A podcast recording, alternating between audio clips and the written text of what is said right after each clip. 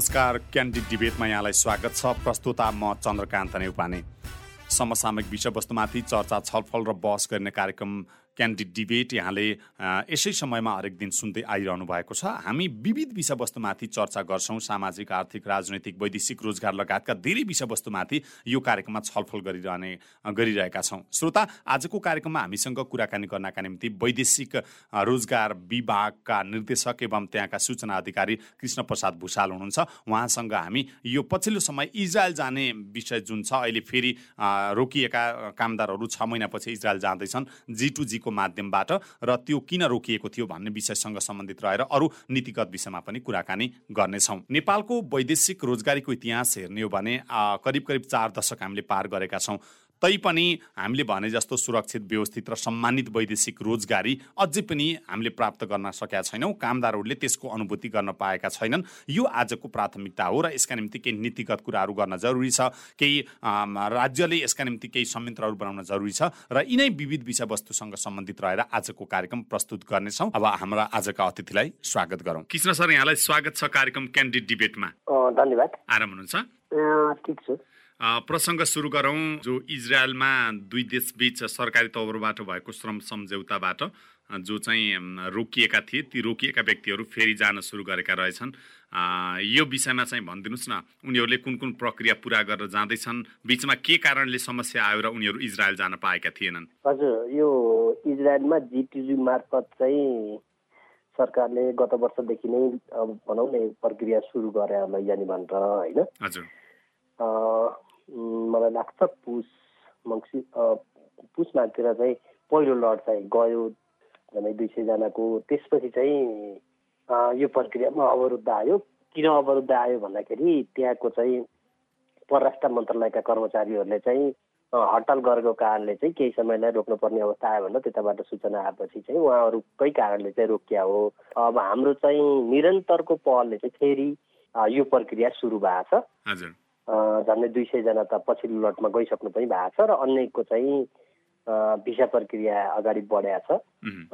अब चाहिँ मलाई लाग्छ डेढ दुई महिनाभित्र चाहिँ सबै इजरायल पुग्नुहुन्छ होला। यदि कोभिडले चाहिँ फेरि पनि असर गरेन भने। हजुर हामीले सम्झौता गरेर जानको लागि अनुमति दिएका बाह्र सय मध्ये तिन सय त पहिला गएका अरे होइन? हजुर दुई सय सन्तानब्बे जति जति लाग्छ दुई सय सन्तानब्बे पहिला गए। पछि पनि फेरि दुई सय जति झन्डै दुई सय गएको देखिन्छ। र झन्डै सात सयको चाहिँ हामी भिसा प्रक्रियामा अगाडि बढाएको छौँ। भनेको जुन बाँकी बचेका थिए तिनीहरू अब बिचमा चाहिँ छ महिना लाग्यो अलि लामै समय लाग्यो। अब तिनीहरू रेगुलर जान्छन् कि उनीहरूको लागि पनि बिचमा के आशा गरौँ। किन आशा गरौँ भने मैले अलिकति कोभिड पनि बढाएको छ। हजुर। होइन? अब को कोभिड पोजिटिभ देखिँदा देखिँदै यहाँबाट पठाउन सक्ने अवस्था हुँदैन। त्यो भए हुनाले जान त पक्कै जानुहुन्छ किनकि अब जिटिजी मार्फत भएको हो। र इजरायल सरकारलाई हेर्न तन्तबार भएको अवस्था पनि हो फेरि पनि होइन? त्यो भएर जान पक्कै जानुहुन्छ ठ्याक्कै यति समयभित्र जानुहुन्छ चाहिँ अझै पनि भन्न सक्ने अवस्था छैन। कोभिडले के प्रभाव पार्छ भन्ने कुरा चाहिँ अहिले बढिरहेको अवस्था हेर्दाखेरि चाहिँ। हजुर अब त्यो छ महिना बिचमा ब्रेक हुनको कारण परराष्ट्र मन्त्रालयका त्यहाँका कर्मचारीहरूले आन्दोलन उताको। उताको हजुर हजुर उताको त्यो के कारणले त्यो भएको थियो? होइन उहाँहरूको इन्टरनल कुरा हो धेरै हामीलाई पनि जानकारी हुँदैन त्यो कुरा चाहिँ होइन। त्यहाँका कर्मचारीहरूले हडताल गरे त्यो कारणले चाहिँ रोक्नु पर्यो हो भन्ने ढङ्गले चाहिँ कुरा आएको थियो। अब विस्तृत रूपमा चाहिँ त्यो विषयमा मलाई पनि जानकारी छैन। म खास गरिकन तपाईँसँग अन्तर्वार्ता किन गर्दैछु भने इजरायललाई नेपालीहरूको मुख्य गरी अझ महिलाहरू पठाउने र अहिले पछिल्लो समय त पुरुषहरूलाई पनि यहाँहरूले चाहिँ पठाइरहनु भएको छ। अलिकति आकर्षक गन्तव्य सुरक्षित देश कमाइ पनि राम्रो हुने काम पनि ठिक ठिकै हुने भएको हुनाले त्यहाँ धेरैको आकर्षण छ र तपाईँहरूले फेरि पठाउन थालिसकेपछि समाचार आइसकेपछि धेरैले यसबारे जिज्ञासा पनि राख्नु भएको थियो कसरी जाने के गर्ने कसरी हामी चाहिँ त्यो प्रोसेस गर्न सक्छौँ भनेर धेरैले जिज्ञासा राखेर म तपाईँसँग अन्तर्वार्ता गर्दैछु। यो प्रक्रिया भनिदिनु न सरकार टु सरकार जाँदाखेरि के के गर्नु पर्दो रहेछ? यस्तो छ। अब अहिले चाहिँ विशेष गरी केयर गिवान जानुभएको यो एउटा प्रक्रिया भनौँ न। उहाँहरूको चाहिँ अब जाँच लिएर अन्तर्वार्ता लिएर त्यसपछि त्यसबिचमा विभिन्न प्रक्रिया भिसा प्रक्रियामा जे जे प्रक्रिया पुऱ्याउनु पर्ने हुन्छ ती सबै प्रक्रिया पुऱ्याएर जानुभएको छनौट भएर हजारौँमा चाहिँ झन्डै बाह्र सय छनौट भएर जानुभएको होइन? फेरि पनि कृषिको लागि पनि आउँछ भन्ने कुरा चाहिँ हामीले सुनिरहेछौँ तर आधिकारिक रूपमा त्यसको पुष्टि भइसकेका छैन। होइन? अब यो कुरा हुँदैछ कुरा नहु पुरा त्यो विषयमा छलफल गरेर एउटा निष्कर्षमा ननिकाल्दासम्म चाहिँ हामीले अहिले भन्न सक्दैनौँ। तर त्यसरी आयो भने पुनः जिटिजी मार्फत चाहिँ फेरि पनि जाने सम्भावना चाहिँ हुन्छ। किनकि त्यो भनौँ न इजरायल एक किसिमले भन्यो भने हाम्रो लागि अब आकर्षक गन्तव्य स्थल पनि हो सुरक्षित पनि हो र काम गर्न सजिलो पनि हो र धेरै पैसा पाइने पाइने मुलुक पनि हो। त्यस हिसाबले चाहिँ हाम्रो पहल रहन्छ कुन कुन विषयमा हामीले पठाउन सकिन्छ भन्ने कुरामा वास्तवमा नीतिगत लेभलमा मन्त्रालयले पक्कै पनि पहल गर्छ र परराष्ट्र मन्त्रालयले एमबिसीहरू मार्फत पनि पहल गर्छ होइन?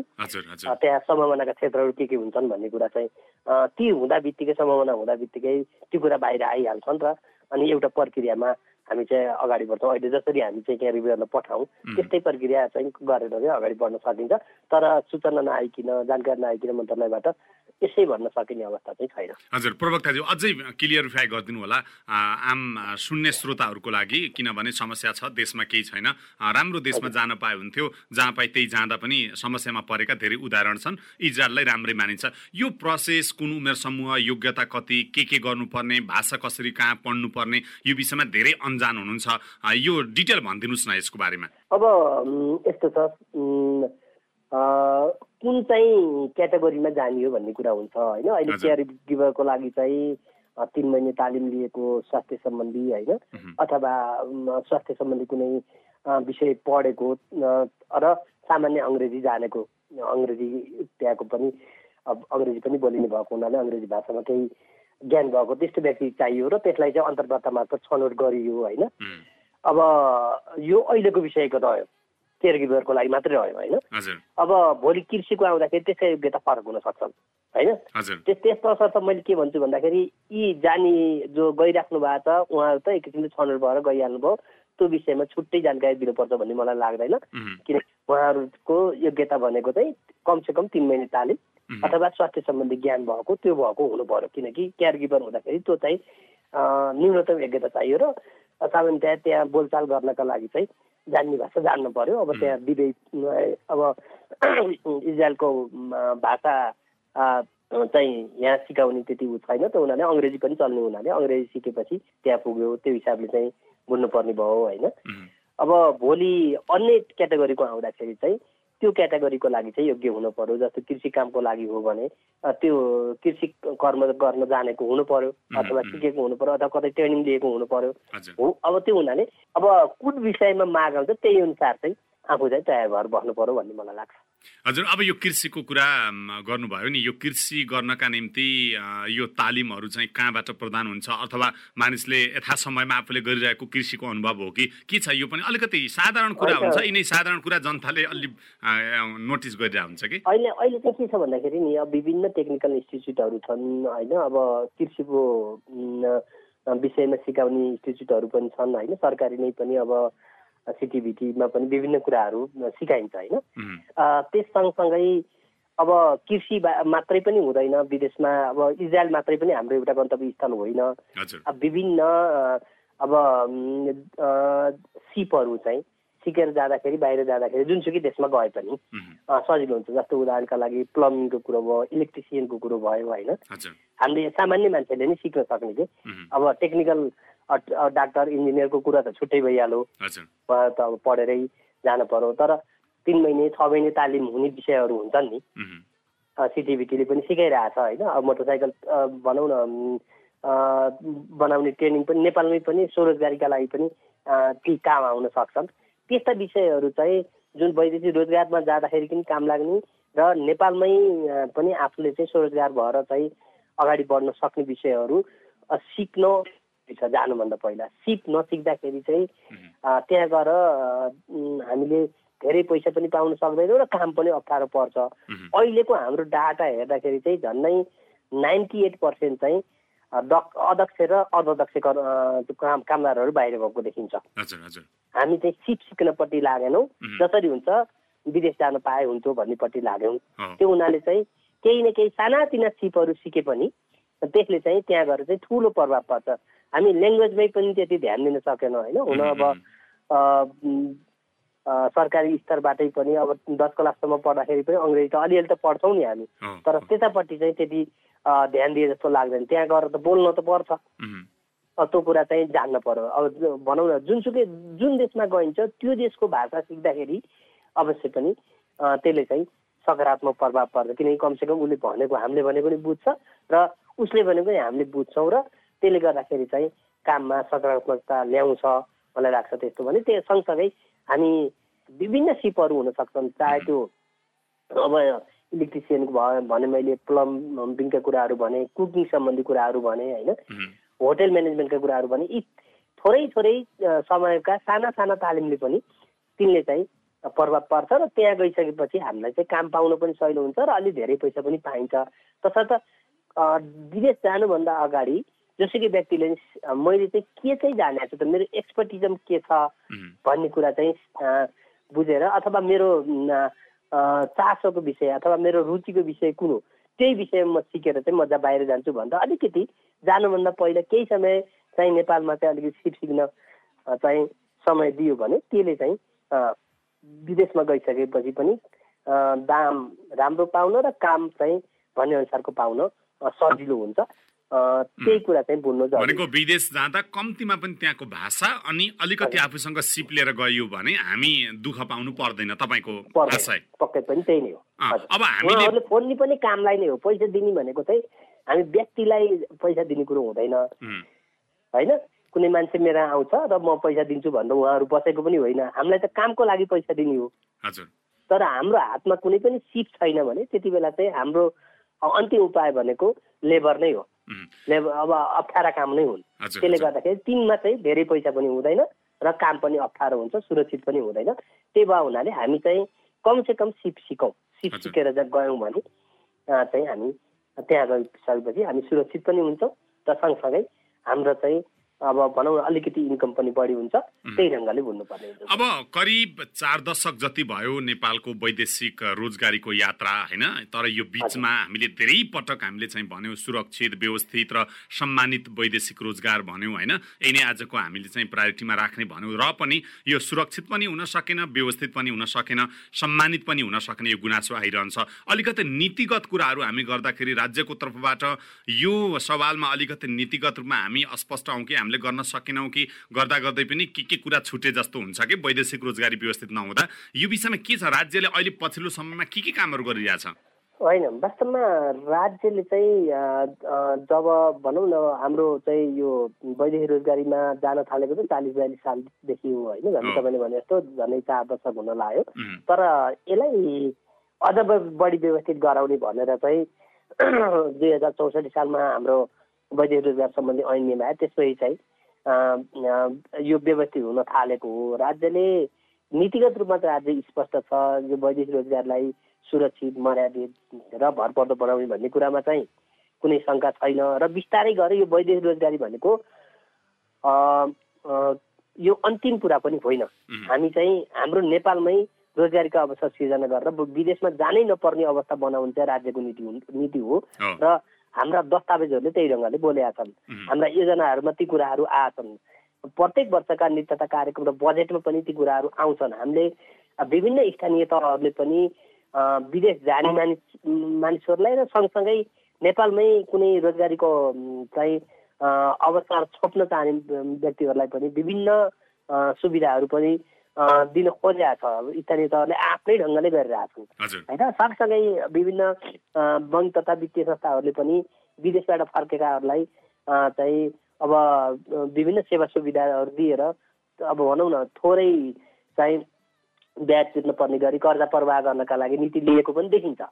तर त्यसमा कानुनको पक्ष चाहिँ अलिकति जटिल नै छ र हाम्रो त्यसमा चाहिँ सचेतनाको अभाव पनि अलिकति देखिन्छ जस्तो मैले अघि नै भने हामी विदेश जान चाहिँ साह्रै बढी हतारिन्छौँ। जानुभन्दा अगाडि अलिकति मात्रै सोच दिने हो भने त्यसले चाहिँ निकै ठुलो प्रभाव पार्छ। जस्तो सिपै सिकियो भने अथवा ल्याङ्ग्वेजै सिकियो भने हामी चाहिँ अलि राम्रो काम पाउन सक्छौँ अलि धेरै दाम पाउने ठाउँमा हामी जान सक्छौँ यदि विदेशै जाने हो भने पनि। होइन? अब त्यसै गरी अब विदेश जानुभन्दा अगाडि चाहिँ अब भनौँ न त्यहाँको वस्तु स्थितिको बारेमा बुझ्ने। अब अथवा कुन चाहिँ मेन पावरले हामीलाई कसरी पठाउँदैछ त्यसले डिमान्ड ल्याएको छ कि छैन त्यो कम्पनी कस्तो हो? हामी त्यो कम्पनीमा जाँदा सुरक्षित छौँ कि छैनौँ? भनेर एकचोटि बुझ्ने प्रयास पनि गर्दैनौँ। अहिले म वैदेशिक रोजगार विभागमा गएको झन्डै छ सात महिना भयो। त्यहाँ चाहिँ यो वर्षको उजुरीको सङ्ख्या हेर्ने भने अब उल्लेख्य बढ्या छ। अहिले यो कोभिडको कारणले पनि बिचमा रोकिएको अवस्था भयो। जसले गर्दाखेरि यो यो वर्ष विदेश जाने श्रमिकहरूको सङ्ख्या पनि बढ्या छ र सँगसँगै उजुरी पनि बढ्या छ। उजुरी कस्ता देखिन्छन् भन्दाखेरि मलाई विदेश लैजान्छु भनेर अँ, लगिदिएन अथवा त्यहाँ गएर भनेअनुसारको दाम र काम पाइएन। त्यस्ता किसिमका उजुरी अत्याधिक बढी देखिन्छन् अथवा एउटा काम भनेको अर्को काम थियो त्यो किसिमको पनि देखिन्छ। त्यो हुनाले चाहिँ जानुभन्दा अगाडि नै अलिकति सोचियो भने धेरै कुरा चाहिँ सल्भ त्यसै हुन्छ। र सँगसँगै अर्को के पनि देखिन्छ भन्दाखेरि हामीले के चाहिँ मैले चाहिँ के बुझिरहेको थिएँ भन्दाखेरि वास्तवमा यो ठगिने भनेको चाहिँ जो चाहिँ पढे लेखेको छैन जसले चाहिँ त्यति बुझेको छैन ती मान्छे बढी ठगिनु कि भन्ने देखिन्छ कि? मैले बुझेको चाहिँ त्यो त्यो ढङ्गले बुझेको थिएँ तर त्यहाँ गइसकेपछि मेरो पर्सेप्सन अलिकति फरक भएको छ। वास्तवमा पढे लेखेका व्यक्तिहरू पनि धेरै ठगेको देखिन्छ। युरोप अमेरिका होइन? अस्ट्रेलियाको चाहिँ अ, प्रलोभन दिएर अब लाखौँ ठगेको हाम्रोमा चाहिँ त्यो किसिमको चाहिँ समस्या देखिया छ। त्यो हुनाले चाहिँ जाने मान्छेले चाहिँ पढेरै पनि सचेत भएको देखिएन। त्यो हेर्दाखेरि त पन्ध्र लाख बिस लाख पैँतिस लाखसम्म चाहिँ मेरो पैसा खाइदियो भन्दै आउनुहुन्छ त्यहाँ। हजुर हजुर। यो समस्या भयो। यी समस्याहरू छन् अब जस्तो अलिकति नीतिगत कुराहरू म तपाईँसँग अलिकति गर्छु अनि त्यसपछि म भगिनी सम्बन्धको बारेमा तपाईँसँग आउँला। जस्तो हामीले अलि धेरै अगाडि विभिन्न देशहरूसँग श्रम सम्झौता गऱ्यौँ तर समय काल परिवेश विश्वव्यापी रूपमा चाहिँ हरेक हिसाबको चाहिँ उतार चढाव भइरहँदा हाम्रा सम्झौताहरू नै पुराना भए त्यसको पुनर्मूल्याङ्कन भएन। जसले गर्दा विदेशमा गएर पनि हामीले त्यहाँका नागरिक सेवा सुविधा प्राप्त गर्न सकेनौँ। नेपालीहरूलाई त्यहाँ गएर हेप्छन् भन्ने कुराहरू आउँछन्। हामीले जुन एउटा चाहिँ श्रम सम्झौता गरेका देशहरू छन् नि तिनीहरूसँग हामीले गरेको सम्झौताको पुनर्मूल्याङ्कन गर्ने बेला भयो भनेर धेरैले भन्छन्। तर यहाँनिर हाम्रो चाहिँ दृष्टि नपुग्या हो कि हामीले के हो सर यो खास? अवश्य पनि अब सम्झौता भनेको सधैँ एउटै परिस्थितिमा रहँदैन। होइन परिस्थिति अनुसार त्यो परिवर्तन पनि हुनसक्छ। दुई देश बिचमा चाहिँ अब समझदारी भयो भने त्यस्ता सम्झौताहरू पुनर्वलोकन पनि हुन सक्छन् होइन कतिपय देशहरूसँग त हामीले अझै पनि श्रम सम्झौता गर्न पनि बाँकी छ। जस्तो उदाहरणका लागि हाम्रो साउदीमा चाहिँ लाखौँ मानिसहरू हुनुहुन्छ लाखौँ श्रमिकहरू जानु भएको छ तर साउदी अरबसँग चाहिँ हाम्रो श्रम सम्झौता अहिले पनि भएको छैन होइन। कतिपय देश जहाँ चाहिँ गन्तव्य मुलुकहरूमा चाहिँ धेरै मानिसहरू जानु भएको छ त्यहाँ श्रम सम्झौता गरेर जानुपर्ने हुन्छ र कतिपय नयाँ देशहरू आउन सक्छन् बिचमा। त्यो श्रम सम्झौता नगरी जानेहरूलाई रोक्न सकिन्न हामीले? होइन साउथ जस्तो भनौँ न श्रम सम्झौता नभएको देश चाहिँ त्यो देशसँग चाहिँ श्रम सम्झौता भएन। तर जानलाई चाहिँ अनुमति छ फेरि। जानलाई अनुमति नभएको होइन। जानलाई चाहिँ अनुमति छ। संस्थागत रूपमा एक सय एघार देशभन्दा बढीलाई चाहिँ जान रोक लगाइएको छैन अथवा जान चाहिँ अनुमति दिइएको छ होइन। संस्थागत रूपमा व्यक्तिगत रूपमा त एक सय पचहत्तरभन्दा बढी देशमा जान सकिन्छ। त्यो हुनाले हाम्रा हिजोका गन्तव्य स्थल चाहिँ चेन्ज पनि हुन सक्छन्। अहिले चाहिँ धेरै खाडीमा मलेसियामा भएको छ भने भोलि युरोपका देशहरू हुन सक्छन् होइन? अब त्यो हुनाले आवश्यकता अनुसार श्रम सम्झौता गर्दै जानियो। कन्टिन्यू जाउँ सर। अघि त्यो पुनर्मूल्याङ्कनको विषय भनेको थियो त्यसलाई अलि कन्टिन्यू गरौँ। हजुर। वास्तवमा यदि त्यो आवश्यक हो भने सरकारले चाहिँ रियलाइज गर्यो भने श्रम सम्झौतामा पुनः पुनर्मूल्याङ्कन गर्न सकिन्छ। यो वास्तवमा नीतिगत विषय भयो। मन्त्रालयसँग बढी सम्बन्धित छ यो विषय। मन्त्रालयले चाहिँ परराष्ट्र मन्त्रालयसँग समन्वय गरेर चाहिँ त्यस्ता श्रम सम्झौताहरूमा विगतमा भएका श्रम सम्झौताहरूमा पुनर्वलोकन गर्न सक्छ। र त्यो विषयमा चाहिँ अब मन्त्रालयले सोचिरहेको पनि होला भन्ने मलाई लाग्छ अहिले पनि नेपालीहरू विदेशी भूमिमा चाहिँ श्रम पसिना पोख्न गइराखेको स्थिति छ र पनि जति सूचना प्रविधिको फड्को मारे पनि दलालहरूबाट चाहिँ ठगिने कुरा म्यान पावरहरूले ठग्ने कुरा होइन यो कहिले पनि अन्त्य भएन यो किन यस्तो भयो यहाँनिर चाहिँ कहाँनिर त्रुटि छ यस्तो हुनुमा? वास्तवमा वैदेशिक रोजगारीमा अब ठगीको मात्रा बढिरहेछ भन्ने अब हाम्रा रेकर्डहरूले पनि देखिन्छ देखिन चाहिँ। तर सरकारले चाहिँ विभिन्न प्रयत्नहरू गरेको चाहिँ तपाईँहरूले भौतिक रूपमै अनुभव गर्न सक्नुहुन्छ। जस्तो उदाहरणका लागि हामी धेरै जसो कुराहरू चाहिँ अनलाइन सिस्टमबाट गर्न थालिसक्यौँ। देख्नु भएको छ हिजो ताचलमा हजारौँ दिनमा हजारौँको भिड हुन्थ्यो भने अहिले चाहिँ त्यहाँ मान्छे फाटफुट्ट मात्रै देख्न पाउनुहुन्छ। भनेपछि त हामी कम्प्युटर सिस्टममा प्रविधिलाई हामी उपयोग गरेर हामीले चाहिँ यसलाई फेसलेस क्यासलेस बनाइसकेका छौँ। किसिमले भन्यो भने। अझै अझै पूर्ण बनिसकेका छैन। अझै पनि लाइन हामी देख्छौँ धेरै ठाउँमा। होइन। पहिलाभन्दा नाइन्टी पर्सेन्ट लाइन चाहिँ घटेको छ। अब टेन पर्सेन्ट अझै पनि होला होइन। नाइन्टी पर्सेन्ट चाहिँ घटिसकेको छ। केही अब त्यो टेक्निकल कुराहरू हुन्छन्। त्यहाँ अब अब नज नगइ नजाने अब नहुने अवस्थामा त जानु पनि पर्ला। किन कार्यालय हो? सरकारी कार्यालयमा जानै नहुने भन्ने पनि छैन। तर हिजोको भिड चाहिँ तपाईँ देख्न पाउनुहुन्न। त्यो चाहिँ यथार्थ हाम्रो सामु छ। विगतमा भन्दा धेरै सुध्रिएको अवस्था हो। हिजोको दिनमा अलि विद्युतीय विद्युतीय चाहिँ हिसाबले आफ्ना गतिविधिहरू गर्न सकेन भन्ने आरोप लामो लाइन आएर दिनभरि बस्नुपर्ने होइन? यिनी कुराहरू अहिले कम नि काम भयो नहुने त्यति नै हुँदा नि काम नहुने। त्यहाँ विभिन्न किसिमका चलखेल हुने होइन? दलालहरूको बिगबिगी हुने होइन? अब सोझा साझालाई ठगिने अवस्था जुन थियो त्यो अहिले बिस्तारै कम हुँदै गएको छ। त्यो कुरामा चाहिँ यथार्थ त्यो कुरा चाहिँ यथार्थ हो होइन? सरकारले ती काम गरिरहेछ सरकारले भन्दा नि विभाग मन्त्रालयले ती काम गरिरहेछ त नगरेको होइन। कार्यालय पनि त्यसमा लागिरहेछन् र सातै प्रदेशमा चाहिँ हाम्रा कार्यालयहरू पनि छन्। ती कार्यालयहरूले पनि आफ्नै ढङ्गले काम गरिरहेछन् बिस्तारै त्यस्ता कार्यालयहरूलाई अधिकार प्रत्यार्जन गरेर जुन काठमाडौँ केन्द्रित कामहरू थिए ती कामहरू चाहिँ प्रदेश प्रदेशबाट पनि गर्न सक्ने चाहिँ कुराको चाहिँ अब हामी ग्यारेन्टी गर्दैछौँ। सँगसँगै अब हाम्रो एउटा मात्र अन्तर्राष्ट्रिय विमानस्थल थियो। अब भैरवाबाट पनि हजुर। उडान भइरहेछ। त्यसले गर्दाखेरि पनि अलिकति यो डिसेन्ट्रलाइज भएको छ भन्ने चाहिँ मलाई लाग्छ। त्यसले गर्दाखेरि अलिकति सहज होला। त्यो क्षेत्रका मानिसहरूलाई त पक्कै पनि सहज भएको छ भन्ने अनुमान गर्न सकिन्छ होइन? त्यो हुनाले सरकारले यो विषयमा काम थुप्रै काम गरेका छ। बरु गरेका कामलाई हामीले कति भन्न सकेका छौँ भन्ने कुरा चाहिँ त्यो कुरा अर्को पाटो हो। हामीले कति जानकारी दिन सकेका छौँ कति चाहिँ पत्ता पर्चा गर्न सकेका छौँ त्यो चाहिँ अर्को पाटो हो त्यो चाहिँ अर्को विश्लेषणको पाटो होला। गर्न चाहिँ गरेका छ र बिस्तारै अझ सुधारका पाटाहरू अझ जाँदै हुँदै जान्छन्। सँगसँगै तपाईँले ठगिने कुराको कुरा गर्नुभएको थियो। वास्तवमा हामी जो व्यक्ति जाने हो त्यो व्यक्ति अलिकति सचेत हुनु चाहिँ जरुरी छ। हाम्रा यस्ता इन्टरभ्यूहरूले पनि कमसेकम उहाँहरूलाई जानकारी पुग्छ।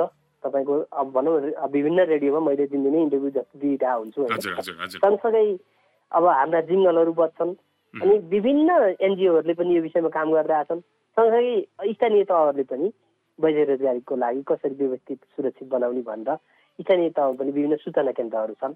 हाम्रा पर अब जिल्ला प्रशासन कार्यालयमा एमआरसीहरू छन्। तिनले पनि सूचना जानकारी दिइरहेछन्। त्यति हुँदा हुँदै पनि व्यक्ति स्वयं सचेत नहुँदासम्म यस्ता ठगिया घटनाहरू रोकिनन् भन्ने मलाई लाग्छ। भनेको आफू कहाँ जाँदैछु कस्तो काम गर्न। जाँदैछु कस्तो काम गर्न मसँग के छ? हो, मसँग सिट के छ? मैले त्यहाँको भाषा जाने छु कि छैन? म कस्तो मेन पावर कम्पनी मार्फत जा- जाँदैछु? यदि विदेश जाने भने त्यो कम्पनीमा चाहिँ त्यो कम्पनी कुन स्तरको कम्पनी हो? अनि त नेटबाट धेरै कुराहरू त हेर्न सकिन्छ आफूले हेर्न जान्दैन भने अर्कालाई भन्न सकिन्छ। त्यो पनि सकिएन भने हाम्रा कार्यालयहरू त प्रत्येक प्रदेशमा छन् नि त। जिल्ला प्रशासन कार्यालय त प्रत्येक जिल्लामा छन् नि त। त्यहाँ एमआरसीहरू छन् तिनले पनि सचेत सचेतना दिइरहेछन्। तर जानुभन्दा अगाडि ती कुरामा फिटिक्कै सोचिँदैन लाग्छ। हजुर। यो नपढेका मान्छेले मात्र होइन पढेका मान्छेले सोधे जस्तो थियो मैले। होइन भाइ युरो अमेरिका जाने भनेर पैँतिस चालिस लाख रुपियाँ किन दिन्थ्यो र? होइन पहिला दिने त्यसपछि होइन उठाउने यस्तो भयो नेपालीहरू त पैसा दिएर जान पाइन्छ भने दिने भन्ने खालको भयो क्या नेपालमा? हो हो। त्यहाँ गएपछि त्यसको रिजल्ट के हुन्छ भन्ने कुरा चाहिँ उहाँहरूले विचार गरिराख्नु भएको देखिँदैन। त्यो हुनाले त्यो कुरामा विचार गर्नु जरुरी छ त्यत्रो लगानी गरेर जाने हुनुहुन्छ भने यो पैसा मैले त्यहाँ गएर कमाउनु कति टाइम लाग्छ? होइन यो पैसाको सदुपयोग हुन सक्छ कि सक्दैन? म ठगिँदैछु कि भन्दा त्यो कुरामा चाहिँ विचार अलिकति मात्रै विचार पुऱ्याउने हो भने यी कुरा यी समस्या आउँदै आउँदैन। अब स्रोत साधन सहितको दूतावास नभएको कामदार भएका सबै देशमा श्रम सहचारी छैन कूटनीतिज्ञ रूपमा लेबर डिप्लोमेसी अन्तर मन्त्रालय समन्वय संयन्त्र छैन भनेर धेरै गुनासाहरू आउँछन् भन्ने कुराहरू आउँछन्। यो नीतिगत कुरा हो। यसमा चाहिँ तपाईँहरूले राम्रैसँग मन्त्रालय सबै परराष्ट्र मन्त्रालयसँग यी विषयमा छलफल गरिरहनु भएको छ। अवश्य पनि हामी छलफल गरिरहेका छौँ। वास्तवमा तपाईँले भनेको कुरा के चाहिँ सत्य हो भन्दा हाम्रा जन अब श्रमिकहरू जति विदेश गइराख्नु भएको छ त्यही अनुपातमा हाम्रा कर्मचारीहरू विदेशमा चाहिँ कम नै छन्। जस्तो साउदी अरबमा छ सात लाख अम, श्रमिक हुनु होला अहँ, पाँच लाखभन्दा बढी हुनुहुन्छ जे भए पनि। त्यतिको लागि चाहिँ हाम्रा कर दुईवटा त्यहाँ चाहिँ एउटा महामाध्यम एउटा चाहिँ दूतावास छ होइन? दूतावास छ। त्यहाँ चाहिँ हाम्रा कर्मचारी कति छन् त? आठ दसजना कर्मचारी छन् होइन? त्यो साउदी अरब भनेको ठुलो देश हो।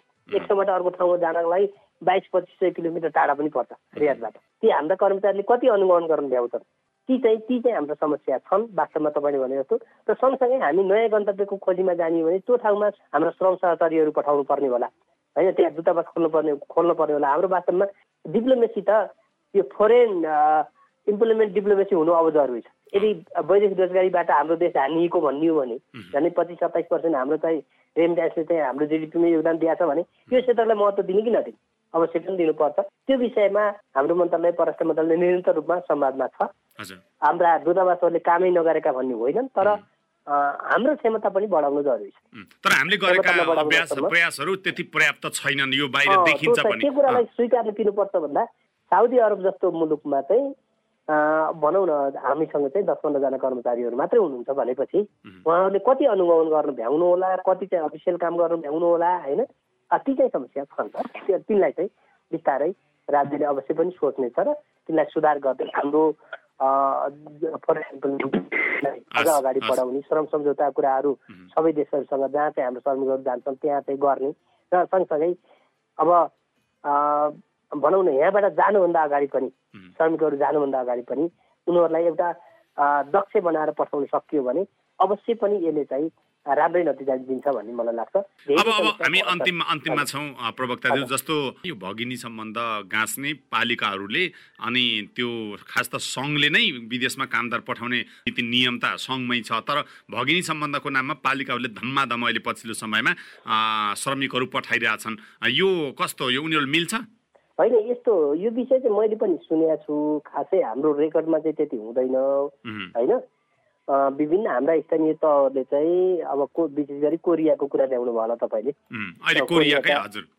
हजुर। कोरियाकै कोरियाका विभिन्न स्थानीय तहहरूसँग चाहिँ अब भगिनी सम्बन्ध कायम गरेर उहाँहरूसँग चाहिँ सिजनल वर्करको रूपमा पठाएको भन्ने मैले पनि सुनेको छु। तर यसको खासै रेकर्ड चाहिँ हामीसँग छैन कति कुन स्थानीय तहले कसरी पठाउनु उहाँहरूले न त हामीलाई जानकारी गराउनुहुन्छ न चाहिँ अब त्यो विषयमा हामीलाई कुनै जानकारी छ? खासै यो विषयमा चाहिँ मलाई त्यति जानकारी छैन। तर भगुनी सम्बन्धको नाममा चाहिँ त्यसरी पठाउँदाखेरि हामीले दुई तिनवटा विषयमा चाहिँ ध्यान दिनुपर्ने हुन्छ। उहाँहरूको चाहिँ सुरक्षाको कुरा उहाँहरूको चाहिँ सामाजिक सुरक्षाको कुरा र त्यहाँ गएर जबको ग्यारेन्टीको कुरा ती कुरालाई चाहिँ ध्यान दिनुपर्ने हुन्छ। मलाई चाहिँ स्थानीय तहले समन्वय गरेर नै पठाएका होलान् भन्ने आशा गरौँ। तर यो विषयमा मलाई धेरै जानकारी चाहिँ हस् प्रवक्ताज्यू यहाँले समय दिनुभयो। समसामयिक विषयवस्तुमाथि आफ्ना महत्त्वपूर्ण कुरा राखिदिनु भयो। थ्याङ्क यू सो मच यहाँलाई धेरै धेरै धन्यवाद। धन्यवाद यहाँले पनि मलाई सम्पूर्ण श्रोताहरू बिचमा आफ्ना कुराहरू राख्न दिनुभयो। र अवश्य पनि यो इन्टरभ्यूबाट चाहिँ अलिकति सचेत हुनुपर्छ भन्ने जानकारी प्राप्त भयो भने त्यो फललाई हुनेछ भन्ने मैले आशा गरेको छु। धन्यवाद। हस् धेरै धेरै धन्यवाद। उहाँ हुनुहुन्थ्यो वैदेशिक रोजगार विभागका निर्देशक। एवं सूचना अधिकारी प्रवक्ता कृष्ण प्रसाद भूषाल उहाँसँग हामी पछिल्लो समय वैदेशिक रोजगारीको स्थिति के छ र छ महिनापछि इजरायलमा जाने कामदारहरू फेरि जाने अवसर पाएका छन् बिचमा किन रोकियो यो समसामयिक विषयवस्तु थियो र यसमाथि आम नागरिकहरू सर्वसाधारणले इजरायलको विषयमा धेरै जिज्ञासा राखेको हुनाले योसँग सम्बन्धित र केही यो वैदेशिक रोजगारसँग सम्बन्धित अन्य नीतिगत विषयमा पनि कुराकानी गऱ्यौँ आजको कार्यक्रम यहाँलाई कस्तो लाग्यो? सुझाव सल्लाह र प्रतिक्रिया दिन नभुल्नुहोला। तिनजेल रेडियो सुन्नुभएकोमा यहाँलाई धन्यवाद र धन्यवाद। प्राविधिक मित्र गणेश श्रेष्ठलाई पनि कार्यक्रम क्यान्डिड डिबेटबाट म चन्द्रकान्त नेउपाने बिदा हुन्छु। नमस्कार यहाँको बाँकी समय शुभ रहोस्।